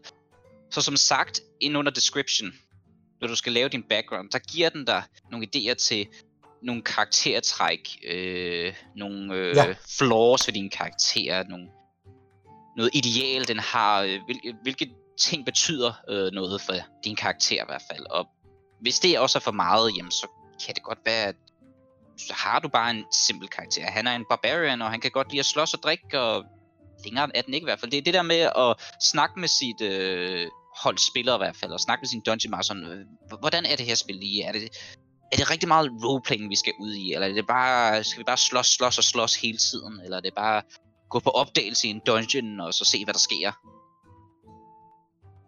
Det, det, det jeg godt kan lide at gøre, hvis der er opdager, at folk måske føler sig lidt utilpas, så ikke skub dem for meget, men måske give dem et gentle push mod det, og så sige til spilleren, han kigger på dig, ham her, shopkeeperen, og du ser, at han er lidt mystisk i øjnene, og han siger til dig, Sir, I don't think I've seen you before. Who are you? And uh, what are you doing in my shop? I've never seen a race like you, and uh, I'm a bit concerned that you're probably gonna steal something. Et, din karakteren føler sig, eller spilleren føler sig måske ikke, at hans karakter kunne finde på at stjæle noget som helst, og bliver måske også bare personligt offentlig over, at jeg kunne, eller min NPC kunne finde på at sige det. Og det kan måske give sådan en, nu skal jeg med at fortælle ham en ting, og tror, han skal ikke kalde mig tyv, mand. Det kunne jeg godt høre, han lige sagde sådan underliggende dengang. Og så siger sådan, Here, here, boy, I'm not a thief. Just because I'm a satyr and you haven't seen a creature like me before, you don't have to be racist about it. I'm gonna find another place. Og han står sådan der, well, good thing, then I don't have to sell anything to you. Du kan virkelig sparke irritation i spilleren, hvor de så bare siger, det skal han ikke sige til mig. Nu skal jeg eddermame, det skal jeg med op med nævne, kammerat. Mm. uh, det er sådan noget, jeg godt kan finde på at gøre. Ved spillere, der måske enten føler sig utilpas, eller måske bare ikke har prøvet det før, og synes, ah, jeg ved ikke rigtig, om det er noget for mig, måske jeg skal gøre det. Så jeg spiller bare normalt. Så, ikke fordi det er noget normalt, men det kan jeg godt lide. Mm. Ja, men ja. Men for guds skyld, husk nu, jeg Dungeon Master bruger vold meget tid på at gøre tingene klar til jer. Mm. Og det er i de fleste tilfælde ham, der har mest styr på spillet i hvert fald. Hvis I er en gruppe nye spillere i hvert fald, og I kender en kammerat, som øh, har spillet det her Dungeon Dragons rigtig meget, så prøv at spørge ham, om han har lyst til at være Dungeon Master for et spil. Og så i det tilfælde er I bare nødt til at sådan respektere. Det er jo ham, der er Dungeon Master, ham der styrer spillet i hvert fald. Teknisk set, der kan han Ja, han kan knipse med fingrene, og bum, så er jeres karakter død. Det er selvfølgelig dødssygt, og overhovedet ikke sjovt i hvert fald. Men tænk sig kan gøre det, hvis han har lyst. Ja, og det kan godt ske, at man dør som spiller. Og mm. det er træls, når man har brugt rigtig meget tid på det. Men det er altså en ting, der sker. Det er ikke World of Warcraft, det er, det er ikke fordi, du resurrecter, når du sådan finder din body igen. Det kan godt lade sig gøre, men det er en helt anden snak. Du ja, død. og det er, jo, det er også det, der er med til at gøre det lidt mere spændende jo. At man kan, at den her karakter, den betyder noget. Den er jo ikke ja, det er jo ikke alt, der eksisterer for evigt jo. Man kan bare uh, snappe og finger, så har du mistet det. Men det slutter ikke der om spillet. Nope. Du laver jo netop bare en karakter til, som starter mm. nogenlunde samme level, som du var i før. Uh, det afhænger af Dungeon Master, hvad han mener er mest uh, passende i det tilfælde. Så laver du en ny karakter, og så fletter han der meget hurtigt ind i kampagnet igen. Ny karakter, ny det ene eller andet. Um, men når I kommer op i højere level, så er det et, en sjældenhed, at man dør. To, resurrection er noget, der kan ske ofte, yep, hvis I har nogle andre classes.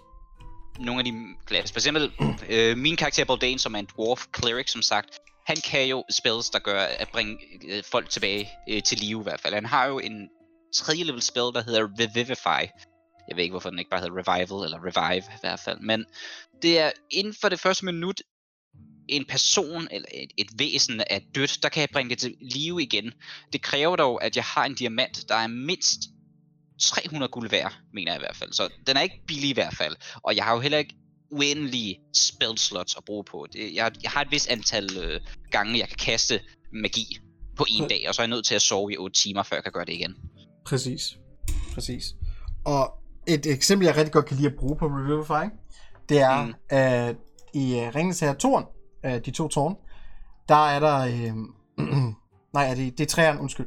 Øh, hvor, Gan, hvor Pippin finder den her orb, og Gandalf siger, give it to me, og han tager den, og så de kommer hen tilbage til den her øh, by, hvor, øh, hvor Rohirrim ligesom hører til, øh, hvor de ligger og sover, hvor Pippin ikke kan lade være med at have sin nysgerrighed, skal over se på den orb her. Han tager den op, og der sker det der korte scene der med, hvor han står og svinger rundt, og sådan noget, og han er i smerte, og Sauron kan se ham igennem det her. Og så falder han ned og taber den, eller nej, Aragorn tager den, og han, Pippin falder sig ned, og så siger Mary, Pippin! Gandalf finder sig om og ser, at Pippin ligger livløs på jorden. Det er literally kun lige sket inden for et minut. Og Gandalf går hen og rører ham på hovedet, og I ser, at han trækker vejret igen. Det er basically Revivify. Mm. Bortset fra, at der mangler nogle material components. Præcis det, hvis ja, det skal være helt det, det er jo så også Gandalf. Han er jo, han er jo ikke et, en simpel øh, menneske. Han er jo engang en mortal, teknisk set. Det er rigtigt, ja. han er praktisk talt en engel, kort sagt jo, så...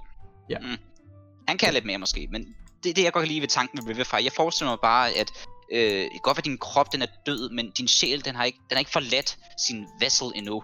Mm.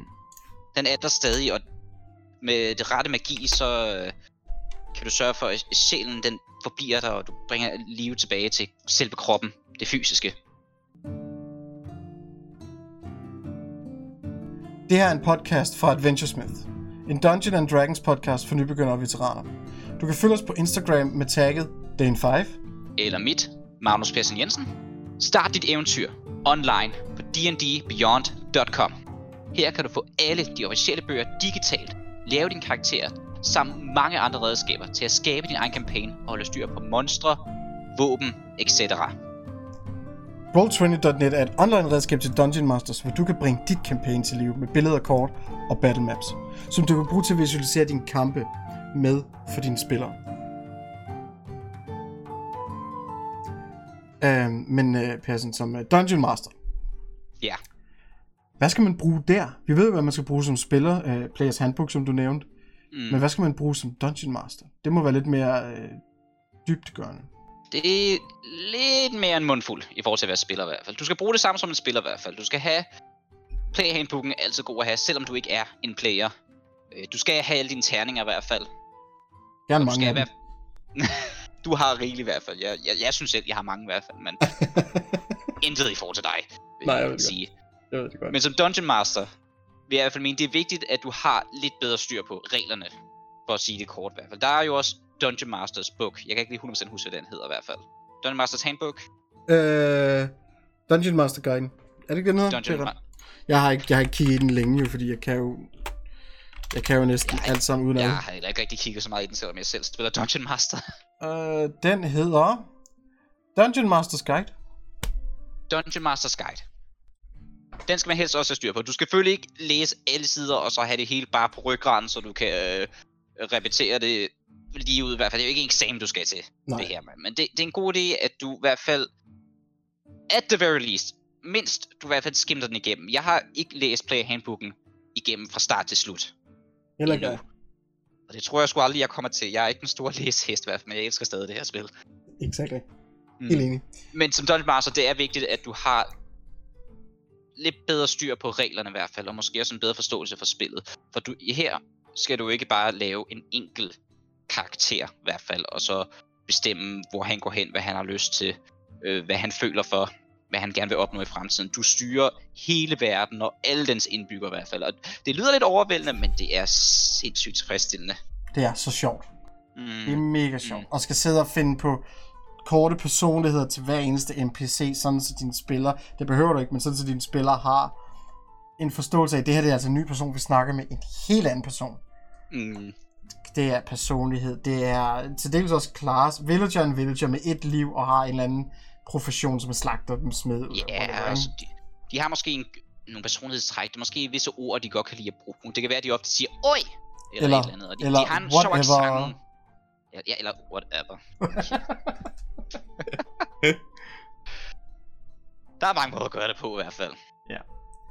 Um, Udover at du også skal den, så er Players Handbook, som du sagde, var også en god idé. Uh, mm. Terninger.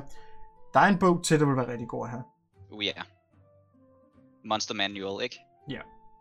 Uh, den, den er jo... Den er ikke essentiel. Du kan jo altid lave dine egne monstre. Men det er en rigtig god idé, når du er ny. Mm. Ligesom at have monstermanualen. Og du behøver ikke andet end monstermanualen. Der er mange andre ekstra manualer, og der kommer hele tiden nye monster til. Der kommer, helt, der kommer snart en ny bog til november, som jeg ser rigtig meget frem til. Hvis du ikke køber den, så gør jeg den i hvert fald. Det kan jeg godt sige med det samme. Jeg køber den, bare roligt. Super. Jeg skal have fat i den. Jeg skal have den. jeg, skal, jeg har jo alle, alle source books. Har, jeg har ikke alle Du har- men jeg har alle source Nej. books. Og vi snakker så flere tusind kroner. Og det behøver du ikke. Det behøver man egentlig Du behøver virkelig ikke at bruge så meget i hvert fald. Hvis- du er, er en lidt fattig, fattigere ende i hvert fald, så er der rigelig information, du kan finde online, og du kan også bare nøjes med at købe øh, Player Handbooken, Dungeon Masters Guide, og så Monster Manualen, og så hvis jeg er 4-5 spillere, så må I opdele priserne lidt. Så bliver det ikke det helt store, men man er selvfølgelig nødt til at lægge lidt penge til side til det her. Det, det er næsten ikke værre, end at skulle sidde og købe det nye uh, Cyberpunk, eller det nye World of Warcraft expansion, der lige er kommet ud. Værre er det ikke. Du kan købe hele starterpakken som Dungeon Master, hvor du får alle tre bøger sammen. Du får også oh, nogle ja. terninger med, og ved du hvad, ja, Battle Maps og sådan noget, Jeg, købte startersættet for eksempel. Ikke fordi jeg nogen tænkte, at jeg skulle bruge det, men det var mere en slags øh, motivation til at komme i gang i hvert fald. Det var før jeg overhovedet startede i, øh, i klassen, og så mødte dig, Jens, i hvert fald. Ja, ja det kan jeg godt huske, du sagde. Mm. Øh... Og den har en lidt kortere version af Player Handbooken, og den har en kortere version af Dungeon Master Guiden i hvert fald. Og så har den også et øh, relativt kort øh, eventyr campaign setting, der hedder Lost Minds of Vandelver, og den er relativt nem at følge med i som spiller, og den er relativt nem at fortælle som Dungeon Master. Det er ikke super indviklet, ikke sådan mega kompleks øh, superskurk, eller der sker så meget i baggrunden, som man hele tiden skal have styr på. Det er relativt lige til i hvert fald. Ja, øhm, og igen, du, kan du behøver ikke at skal have og så tænke, åh oh, nej, hvad gør jeg med battle maps? Hvordan skal de se, hvad de skal have? Hvad med figurer? Igen, du kan spille det online. På sådan noget som Roll20, mm. der har de nogle billeder. Du kan også finde dine egne billeder, der er gratis online og sådan noget.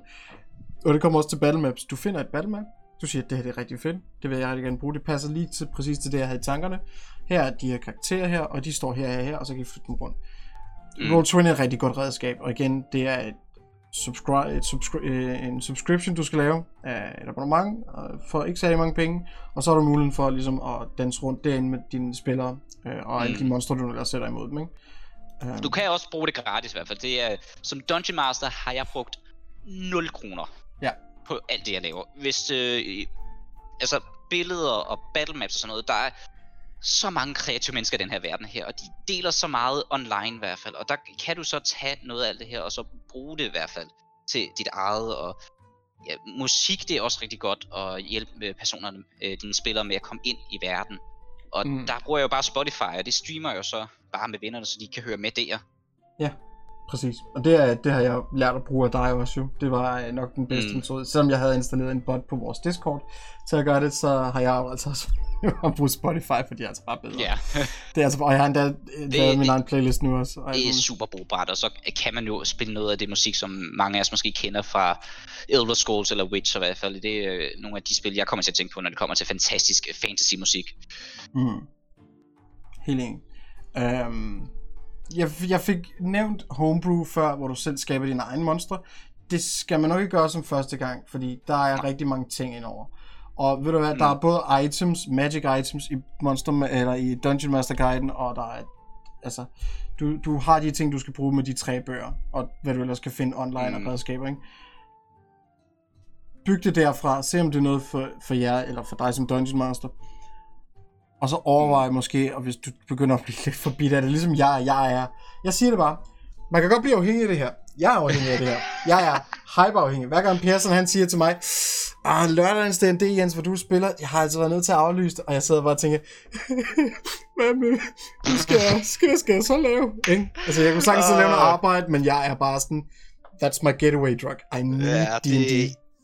Siden at øh, jeg begyndte at spille Dungeon Dragons, og også siden uh, jeg begyndte at være Dungeon Master, det er så relativt nyt, det er måske en, måske to måneder siden jeg begyndte med det. Jeg har aldrig spillet så lidt videospil. Nej, mit liv. Vel, det er, det er det, helt... Det, det er så fedt, og jeg bruger meget tid på det, men det er jo frivilligt. Det er jo sådan, jeg synes, jeg synes det er spændende. Ja, men det, det, ja, det, det, er, det er fantastisk. Jeg, jeg synes, det oh. Ja. Men der, der er nogle ting, du skal bruge. Og starte et sted, bygge det op mm. derfra. Uh, ja. Og du skal og... ikke sidde nødvendigvis og gå ud og investere i et halvt tons figurer, ligesom nogle af os andre har gjort. Det er, især i de her tider her, det er for guds skyld gøre det online. Det, ja det er så, selvfølgelig, det er virkelig ikke det samme. Der er virkelig noget fedt at spille. Nu spiller vi typisk online igennem D&D Beyond og igennem Roll20 bruger vi det jo. Og, men vi har spillet sammen før i person. Vi, vi har været sommerhus sammen og spillet i hvert fald øh, en hel weekend. I hvert fald. Det var det, sjovt. Det var, det var sjovt. mega hyggeligt. Der er sgu noget af det, når man sidder sammen i hvert fald. Men vi har en enkelt af vores spillere, hun bor helt over i Jylland, og øh, du bor øh, øh, i Lolland, og jeg bor i Sydsjælland i hvert fald, og ja. vi har en enkelt, der bor i Midtjylland, så det kan være lidt besværligt, hvis vi skal finde sammen hver weekend. Så det, der er det bare nemmere at gøre det online i hvert fald. Det er Præcis. bare nemmere og mere tilgængeligt, og til en vis grad kan det også være billigere. Og det gør jo igen også, at at selvom man har sit hverdagsliv, som er det vigtige, altså dit rigtige liv er altid vigtigere, end at skal spille D&D selvfølgelig. Er det og det? Det... det er det, det er det. Side note, det er det ikke, men det er det. um, så det, Discord og Roll20 er super godt for at være sikker på, at I stadig kan nå at spille det, når I har jeres ting alle andre steder i landet, eller i verden for den sags skyld. Um, så brug det, og som du ser nu, især i de her tider, um, brug det. Bare brug det. Mm. Og ikke mindst, så du bliver ikke en god Dungeon Master første gang, og ikke nødvendigvis Nej, dit første det... campaign overhovedet. Det kan jeg tydeligt huske i hvert fald. Øh, første gang jeg var Dungeon Master, det var i, til, et lille one-shot i hvert fald, hvor jeg kunne rigtig godt lide historien. Det var faktisk til øh, Jens fødselsdag i hvert fald. Ja, yeah, det, det var en fredag, hvor vi normalt spiller hans. Men øh, der sagde han så, det er min fødselsdag, jeg gider ikke være Dungeon Master. Så han lænede sig tilbage, og så satte jeg mig frem og sagde, ved du hvad, jeg har altid gerne vil prøve det. Så nu og gør så jeg det sgu. Mm. Det var sgu mega hyggeligt. Jeg, jeg rodede lidt rundt i det, og der var nogle gange, man bare så sådan, uh, what am I to do? Og det er Men også man finder ud af det. Jeg, jeg har, så siden jeg sådan begyndte at være Dungeon Master, det her store campaign her, som vi har kørende øh, hver lørdag, øh, har jeg haft problemer med at have styr på øh, for eksempel initiative. Det man ruller for, hvem der skal gå først øh, per runde, når man er i kamp. Det jeg har haft problemer med at have styr på, men jeg har fundet nogle værktøjer til at gøre det nemmere i hvert fald. Jeg fandt en app på min telefon, øh, der hedder Initiative Tracker. Den hjælper også i hvert fald. Ellers så havde jeg forestillet mig, at jeg måske ville skaffe mig et, et whiteboard, og så skrive med tus, afhængig af det nødvendigt. Eller måske skaffe mig en magnet, hvor jeg så kan gå rundt på. Øh, det der er så mange måder at gøre det på. Ja. Og det, det er bare at finde ud af, hvordan gør det her så nemt som muligt for mig selv. Jeg tror, at en af de største udfordringer som Dungeon Master, det er at huske de individuelle regler. Og for den sags skyld, der er så mange spells, ikke? Og når du har to eller tre øh, spillere på dit hold, og du er Dungeon mm. Master, og de alle sammen kaster spells, og, og de siger, jeg har den her nye spil, jeg gerne vil kaste, jeg har lige lært den efter stay level, eller jeg har fundet den her scroll, ja, den bruger jeg lige. Hvordan er det, den er? Og siger, oh, jeg skal lige læse den, ikke også, for der er så mange. Uh, ja? yeah, og det, sådan er det magi. bare. Sådan er, ja, magi. Mm. Hvordan gør du det? Kortet er væk, jeg ved det ikke. um, du, det, du, du, kan, du kan få nok så meget experience, du er nødt til stadig at læse op på det nye Har bogen ved siden af dig. Det hjælper. Mm, I det... mit tilfælde bruger jeg det online. Der er altid plads til at forbedre sig. Der er øh, nok en af de mest kendte Dungeon Masters i dag, øh, Matthew Mercer. Øh, han ja. er øh, skuespiller, stemmeskuespiller normalt, men han er øh, spiller øh, også og livestreamer øh, sin egen øh, Dungeons Dragons game, hvor han er styrer spillet i hvert fald. Og han har, jeg tror han selv har sagt, at han har spillet i 12 eller 15 år eller et eller andet, men han siger stadigvæk, jeg er ikke den bedste endnu, jeg er langt fra øh, at være øh, perfekt. Der er altid plads til forbedring der jo. Og øh, nu, nu indrømmer jeg, jeg ser ikke så meget af hans serie i hvert fald, men øh, det jeg har set, det, han virker fantastisk. Ja, Critical Role er jo nok det største D&D-hold i verden, og det mest kendte mm. lige nu. Øh, ikke det største, som i mange spillere, de er bare det mest kendte, for det er alle sammen voice actors, der så spiller sammen de er for spil og sådan noget. professionelle skuespillere, så det er jo ikke noget under, at de kan leve sig ind i de, i de her karakterer her. Det er jo fantastisk at høre på. Og, og det er måske lidt intimiderende for nogen i hvert fald. Der, jeg ved, der er rigtig mange nye spillere, som går ind og så forventer, øh, at de får sig en Matthew Mercer Dungeon Master. Det mm, kan jeg ja. sige med det samme. Det skal I nok ikke regne med, fordi som sagt, Nej. Matthew Mercer, han er en professionel skuespiller, og han har spillet i 15 år. Ja, præcis. Så don't let you di- du skal ikke være discouraged af, at der er nogen, der er helt fantastiske, og du skal leve op til det. Sæt mm. standarden med det samme for dit spil og sige, hey, jeg er ny Dungeon Master, jeg er ikke voice actor, jeg gør det så godt jeg kan, I gør det så godt I kan, og vi tager det stille og roligt, og så har vi reglerne på et tidspunkt sammen. Ikke? Mm. Stille og roligt.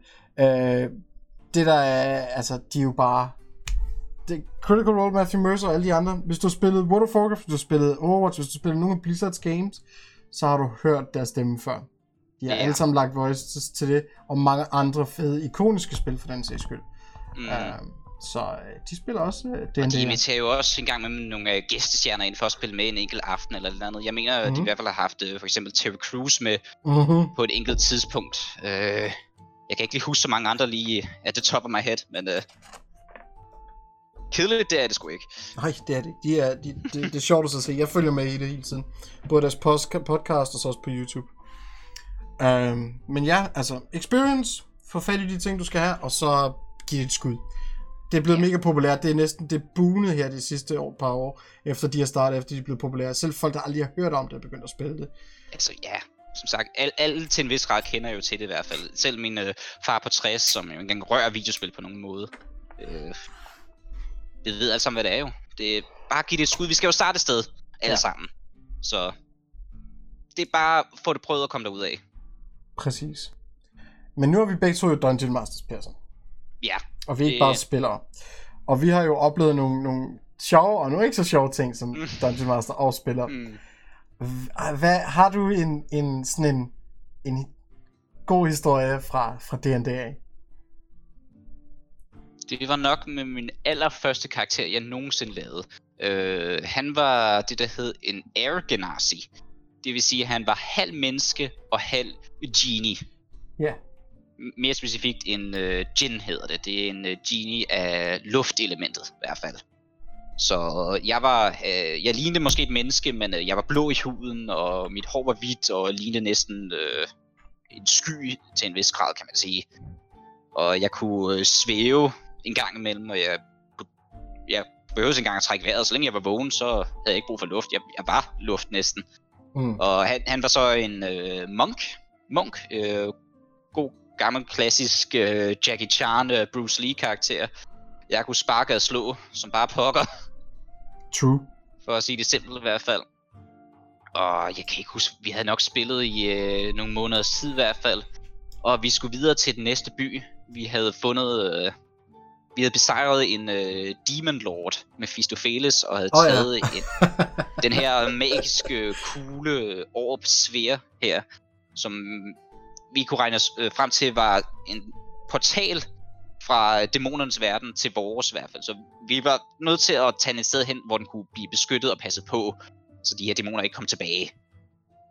Øh, så vi var nødt til at tage skibet fra den her by, som vi havde øh, været i nogle måneders tid. Øh, Helmgard hed den, og så skulle vi øh, langt over øh, havet til en ny by. Det var vist... Øh, var, det var, var det Kark eller Keim? Jeg kan aldrig huske det.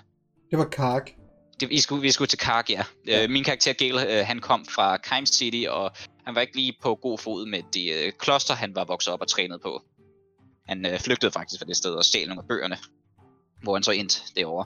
Men øh, vi var simpelthen på det her skib her, og ud af ingenting, der flyver der pludselig en stor, øh, det var en sort drage, ikke? Jo, en Black Dragon, en, ja. en stor Black Dragon flyver frem, og så de her, ikke lige så store, men stadig større end en almindelig voksen mand, øh, Wyverns, Wyverns, ligner meget drager til en vis grad, men det er ikke helt det samme. Nej. De flyver ind og så angriber os, og jeg tænker bare, shit, it's going down. Heldigvis er der en af vores, øh, en anden i gruppen, øh, hun spillede en øh, Warlock, hedder det.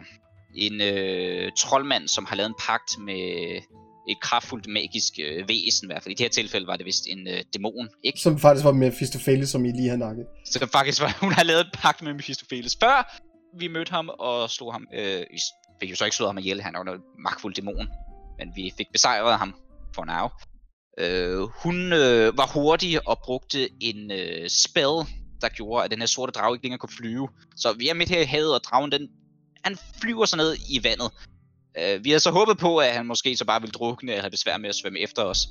Men øh, den kan trække vejr under vand, den her drage her, og den kan så også svømme, så den øh, svømmer så efter os. Og mens den her drage her, den prøver at følge skibet, hvor vi besejrede de her små wyverns her, det er ikke så stor en mundfuld i hvert fald, men den her drage her, den og kommer så op til skibet, og så nedefra flyver den op igennem, øh, hvad hedder det, gulvet skroget. af skibet. Ja, skroget, ja. Og det, der kommer bare vand ud over det hele, og vi kan bare mærke, at det ryster, og skibet det ved at synke. Øh, jeg, min karakter, som er som sagt Munk, han er mega hurtig. Det er hurtigere end noget andet, så jeg sprinter ned nedenunder for at se, hvad der sker. Jeg ser så den her drag her, og jeg jeg var måske lidt øh, dumdristig, hvis man kan sige det sådan, så jeg holder mig ikke tilbage. Jeg løber så hurtigt frem, jeg overhovedet kan, og så står jeg måske der, måske 3-4 meter fra dragen her, og under dragen er et kæmpe stort hul med vand, der på vej ind. Og dragen han ser jo mig, og tænker med det samme, han, ham kan jeg sgu ikke lide. Så han laver sit klassiske øh, Dragon Breath her. Det er, nu er han en sort drage, så er det ikke ild, den spyr, men det er simpelthen, det var syre, så vidt ja. jeg husker. Yep. Og så jeg skal rulle det, der hedder Dexterity Saving Throw. Så jeg tænker, bah, jeg, jeg er sgu meget hurtigt, det kan jeg godt undgå det der. Nej. så jeg tager 30-40 skade eller et eller andet. Øh, ja, måske omkring 20 skade, tror jeg. Jeg har nogle Jeg har maksimum nogle af 40 HP, men jeg havde i forvejen taget noget skade. Så jeg ryger bare ned på 0 HP. Man dør så ikke med det samme, ryger ned på 0 HP. Men fordi skibet det er ved at synke, og det er sådan vippet op, så glider jeg ned af skroget og ned gennem hullet, og jeg er så ved at drukne nu. og normalt kan jeg jo selvfølgelig altid trække vejret, selv under vand. Men fordi øh, jeg er døende og er ikke vågen, så kan jeg ikke trække vejret. Så jeg er på 0 HP. Jeg er langsomt ved at dø. Øh, jeg har en drag, der er efter mig, og jeg ved, og jeg drukner. Ja. Yeah. Øh, det ender så med, at jeg faktisk dør før øh, min øh, en af anden for gruppen, igen hende Warlocken der, hun havde en øh, flyvende kost. Hun er praktisk talt en heks. Ja. Yeah. øh, kosten den kunne heldigvis flyve under vand, så hun får reddet mig op, men øh, jeg er desværre allerede død. Heldigvis, øh, jeg, ved, jeg, jeg ved ikke, hvor min karakter han er henne, men han er et eller andet sted, det, det er helt tomt og hvidt, så vidt jeg husker, og så ser han bare et ansigt foran sig, smile til ham, og så vågner han bare og hoster, blod, og hoster vand op. Jeg overlever heldigvis, og det eneste jeg husker, det er et navn. Ilmater. Ja. Yeah. Og det, det var du... så første gang, min karakter, han døde. Yep. Han ender så med at dø øh, en gang øh, senere hen, men han blev så også bragt til live der i hvert fald. mm. Og så var der noget downtime, hvor du så fandt en lampe fik ned på lampen. Ja.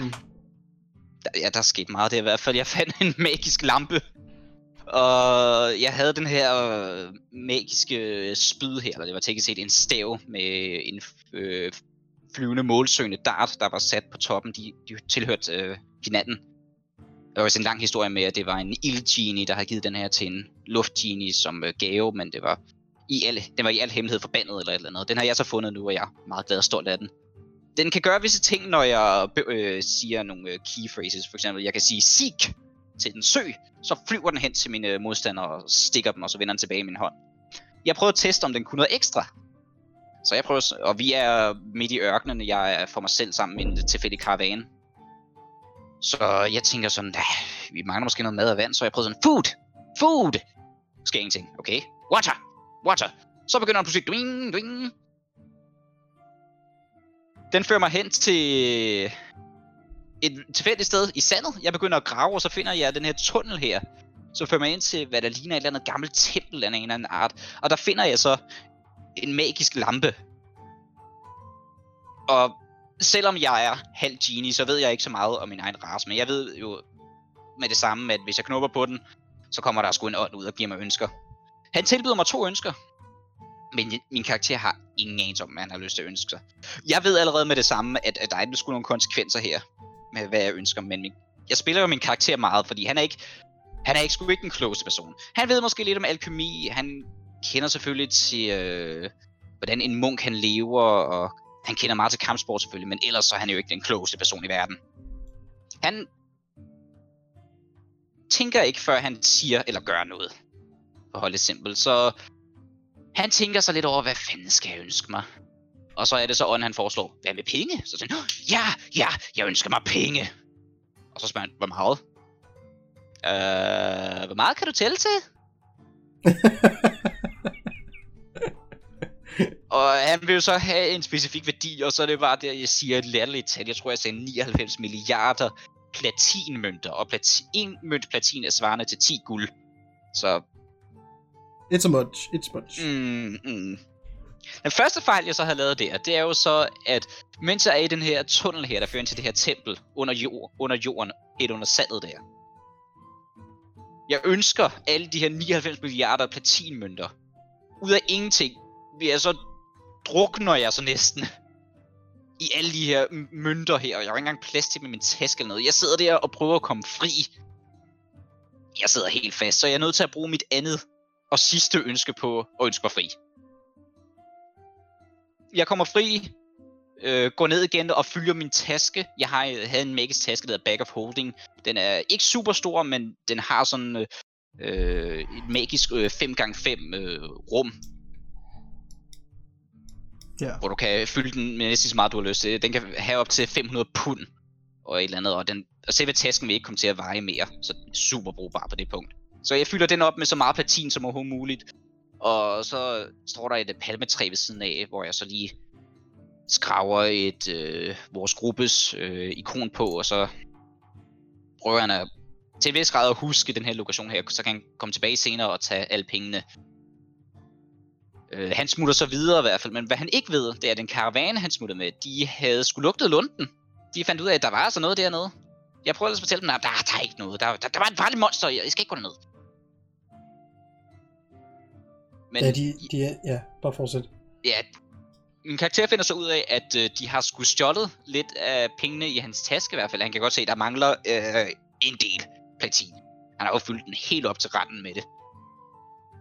Så jeg leger en hest, og så prøver at springe tilbage til det her tilfældige sted i ørkenen, og det ender jo så med, at jeg får fat på karavanen, og de har jo så brugt nogle af de penge, de stjæler fra mig til at hyre nogle legesoldater. Og de var sgu lidt for stærke for lille, lille mig, alene mig. Så de ender med at få mig ned på 0 HP, og så skrider de igen. Heldigvis, når jeg, øh, heldigvis kommer jeg til liv igen. Det er jo, når man kommer ned på 0 HP, så skal man rulle et Death Saving Throw. Du ruller din 20 terning, og ruller du 10 eller højere, så har du et succes. Ruller du under, så har du et fail. Så snart du har 10 successes, så kommer og så 3. er du... 3. Ja, ja, undskyld. Snart du har 3 successes, så er din karakter i live igen. Han ligger stadig og er og ligger i koma i et par timer, hvis man kan sige det sådan. Men ruller du tre fails, så er din karakter helt død. Jeg ruller tre successes. Så jeg ligger der et par timer, og så er det så, jeg vågner, og jeg ved ikke, hvad jeg skal gøre mig selv. Så jeg snakker lidt med den her ånd i lampen, fordi jeg ved ikke, hvad fanden jeg ellers skal lave. Og der er det så, at ånden han fortæller mig, at det kan godt være, at han er en magisk, magtfuld ånd. Men han kan ikke lave alt ud af ingenting. Så jeg finder så ud af, at øhm, alle de der 99 milliarder platinmønter, dem har han været nødt til at tage fra et andet sted, og så placere der. Så i, ja, min karakter har nu mere eller mindre stjålet fra, hvem ved hvor mange drager, hvem ved hvor mange crime lords, konger, buder, for den sags skyld titaner, jeg ved ikke hvad, for at give mig penge nok. Og de ved alle sammen, at det er mig, der har ønsket det her. Yep. Så jeg siger der, fuck, I'm done. I'm, I'm fucking done. Så jeg, så jeg graver et hul, random sted i ørkenen, og så graver den her lampe ned i håb om, at ald- nogen aldrig nogensinde finder den igen. Og det er så derfra, at han så øh, han kender en øh, meget kraftfuld troldkvinde, som i alle hemmeligheder var en drage, men det vidste han godt. Øh, han, han øh, kontakter hende øh, og spørger om hjælp til, hvordan øh, han gør det her. Og de laver så en aftale med, at hvis han hjælper hende med at beskytte hendes hvad hedder det, øh, Dragon Lair. Hun, hun, er jo, øh, hun er en god drage, men hun, hun er stadig en drage, så, så hun har selvfølgelig den her fine skattekammer med alle mulige penge og skatte, hun har samlet igennem sin lange, lange, lange liv på over 1000 år, tror jeg det var, hun levede vi blev enige om, at jeg beskyttede den, og så ville hun hjælpe mig med at komme af med det her ønske her. Det var sgu lidt surt at miste alle de penge der, men karavanen havde alligevel stjålet det, kan man jo sige. Men jeg slipper for, at øh, dæmoner, guder, andre drager kommer efter mig. Og fordi det var lidt min første karakter, så var jeg sådan, jeg vil gerne prøve noget andet. Så det var så der, jeg droppede min Arroganasi monk ved navn Gale, og så lavede min Dwarf Cleric Baldane Iron Soul stedet. Præcis, ja. Han er også ret mm. cool. Men, det var Gale øh, også. Ja. Ja, det, jeg er sindssygt glad for ham nu. Han har lidt mere baghistorie til sig, og han har øh, meget mere motivation i hvert fald. Det føler jeg i hvert fald også er sindssygt vigtigt. Hvis du står med en karakter og gerne, rigtig gerne vil prøve at gøre ham interessant, så giv ham rigtig meget baghistorie, og prøv at give ham motivationer og mål, noget han rigtig gerne vil opnå. Der er rigtig meget øh, Baldane han rigtig gerne vil. Og der er også især noget, jeg sådan, nu.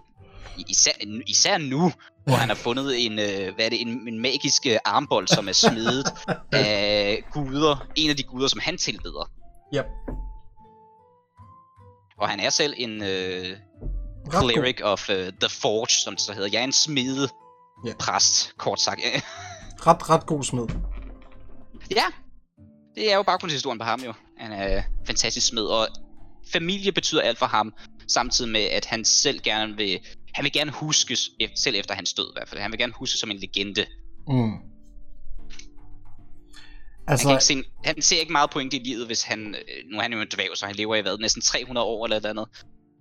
Men han vil gerne huskes mange år efter det. Ja. Bolden er ret cool, ja. Mm. Um, ja. Du har jo spillet lidt længere tid end mig i hvert fald, så du har sgu da også oplevet et eller andet, har du ikke? Jo, øh, en, en, af, en af de historier, jeg godt kunne finde på at fortælle, det er så ikke så meget mig som spiller, det er mere som Dungeon Master og en anden en som spiller. Uh, og det var faktisk i starten af samme kampagne. Uh, øh, på et tidspunkt, der uh, den Warlock, du snakker om, Vilypsis, hun, uh, hun uh, var, havde, havde nogle, nogle ting, hun ville rigtig gerne udforske den her by, de ligesom er i. Og uh, hun ved, der er noget, der hedder Thieves Guild, som er under grunden af den her by her og styrer også noget af, af selve styret i den her by, øh, bare for undergrund og har lidt nogle kontakter og sådan noget. Og hun skulle finde noget information en, øh, en person. Og øh, hun ved, at der er det her ene sted, et kloakdæksel, hun egentlig skal ned igennem. Hun kommer over og finder ud af, at den er låst. Og hun kan ikke se nogen lås udenpå, men hun ruller et ret godt perception check og ser, at der er en lås nedenunder. Og hun vil så rigtig gerne dirke den lås op. Det kan hun ikke rigtig. Altså hun kan godt prøve, fordi man kan alt i D&D. Men hun har ikke rigtig proficiency. Hun har ikke rigtig lært sådan noget. Men hun forsøger alligevel. Um, så hun får advantage på den, på grund af, at hun har lånt nogle thieves tools fra, øh, fra en anden en. Og øh, hun ender med at rulle to 20'er på en D20'er. Det allerhøjeste. og det her, det er altså en låst til et sted, der hedder Thieves Guild, som jeg mener skal være super svært at låse op. Men hun ruller to 20'er, på, altså to maksimum tal på en D20'er, og får låst den op. Og så er jeg nødt til som Dungeon Master tænke, okay, hun er ikke proficiency i det. Hun kan noget, hvor hun kan sådan magisk få nogle små items frem, lockpicks, øh, et ske eller sådan nogle ting og sådan det. Så jeg har simpelthen valgt at give hende netop på grund af, at hun klarer det så godt og sige, ved du hvad, du ved, hvordan den lås det er, og for nu af, der kan du lave de her thieves tool, og du får sgu egentlig også proficiency i det nu. Når folk laver sådan noget sind- sindssygt rulle der, jeg giver gerne en lille gave, der hedder proficiency i thieves tools, med det samme. Og ikke bare noget, du skal hen ad vejen, så længe du har det en, en bestemt måde at gøre på. Jeg har set Thieves Tools, for jeg kan ikke lave dem med den her spil, altså, det kan hun godt, og det er en ret simpel spil. Så hun lavede Thieves Tools øh, til at låsen op for eftertiden, og det kan hun så nu, altid. Det er en af mine yndlings. Jeg tror, jeg har så meget for min egen karakter. Jeg har lidt, men det er nok mest af alt øh, en Kenko, jeg havde en slags ravnefugl karakter. Mm. han ville ud af en, af, en, af en porn. De andre var skrevet. Der var ved at gå kaos i den. Så han stjæler en vogn med to heste på, og står der, jeg vil gerne ud her. Kan du gå åbne for mig, øh, vagt? Så jeg, um, øjeblik, jeg kommer lige ned og kigger en gang og ser, hvad der er. Du er sådan, fuck man, så ser jeg ikke den her, hvad fanden gør jeg så? Skal jeg slå dem ihjel? Der er det en vagt. Men jeg, jeg er en pirat. Skal jeg ikke slå mig ihjel? Han kommer ned og siger, jeg slår i tøjlerne og får hesten til at prøve at sparke øh, hvad hedder det, porten ned. Og jeg har ikke rigtig fået at vide, hvor stor den port var. Og jeg har ikke rigtig lagt mærke til det. Men jeg prøver alligevel, og hesten får ikke sparket noget som helst ned. Så vagten han siger sådan, Hallo, stop lige der. Så siger igen, igen, igen. Og han prøver, jeg prøver endnu en gang at sparke ned. Hesten får kun lige åbnet en lille smule. Så jeg tænker, fuck it, jeg hopper ned. Og hende, spillede, hende der var der også, vi var fire spillere, og de to andre var skrevet, og vi to andre var her og sådan noget. Og hun var bare sådan, jeg følger med dig, Taco Og så kommer jeg ned, jeg bliver stabbet et par gange og sådan noget. Hun healer mig en enkelt gang, og vi kommer endelig ud. Og de begynder så at tænde faklerne op over hele muren på, den, på, på indgangen til den her by her. Og jeg tænker bare, okay, hvad gør jeg? Men jeg har Mimic, øh, som er en ability, Kenkus kan, hvor de kan mimic en lyd, de har hørt før. Så jeg mimicker de der vibrants som en slags dragen ting, og det virker, og de gennemser ikke min, øh, mit trick. Så de slukker faktisk faklerne og gemmer sig. Vi når at få den her gruppe af refugees ud af den her barn her, videre. De tænder faklerne igen og fyrer en ordentlig volley af, af mange pile. Der er ikke så mange, der, der, der er ikke så mange, der bliver ramt. Der er en enkelt af de andre NPC'er, der bliver ramt, men jeg ruller natural 1 på mit dexterity saving throw. Jeg falder, og jeg bliver spydet af. Jeg ved ikke, hvor mange pile i ryggen, så jeg ligner et pindsvin. Og dem gik jeg så lige med i et par timer, fordi vi skulle gå, og det ender med, at der er nogen, der sidder og piller dem ud af mig og sådan noget, der healer mig en lille smule. Det gjorde rigtig ondt på min karakter, fordi der var ikke noget healing medicine eller noget som shit i det level der. Så det var, det, det var pænt stramt. Mm. Men det de historier sådan rigtig har, tror jeg, der er helt specielt. Der er sikkert også nogle andre, men jeg kan ikke lige komme på sådan andre tidspunkter, hvor der var noget helt specielt. Um, jeg har dog ikke set jer op mod nogle røde drager endnu, altså Ancient Red Dragons.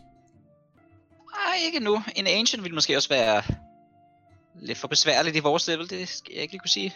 Tror du det?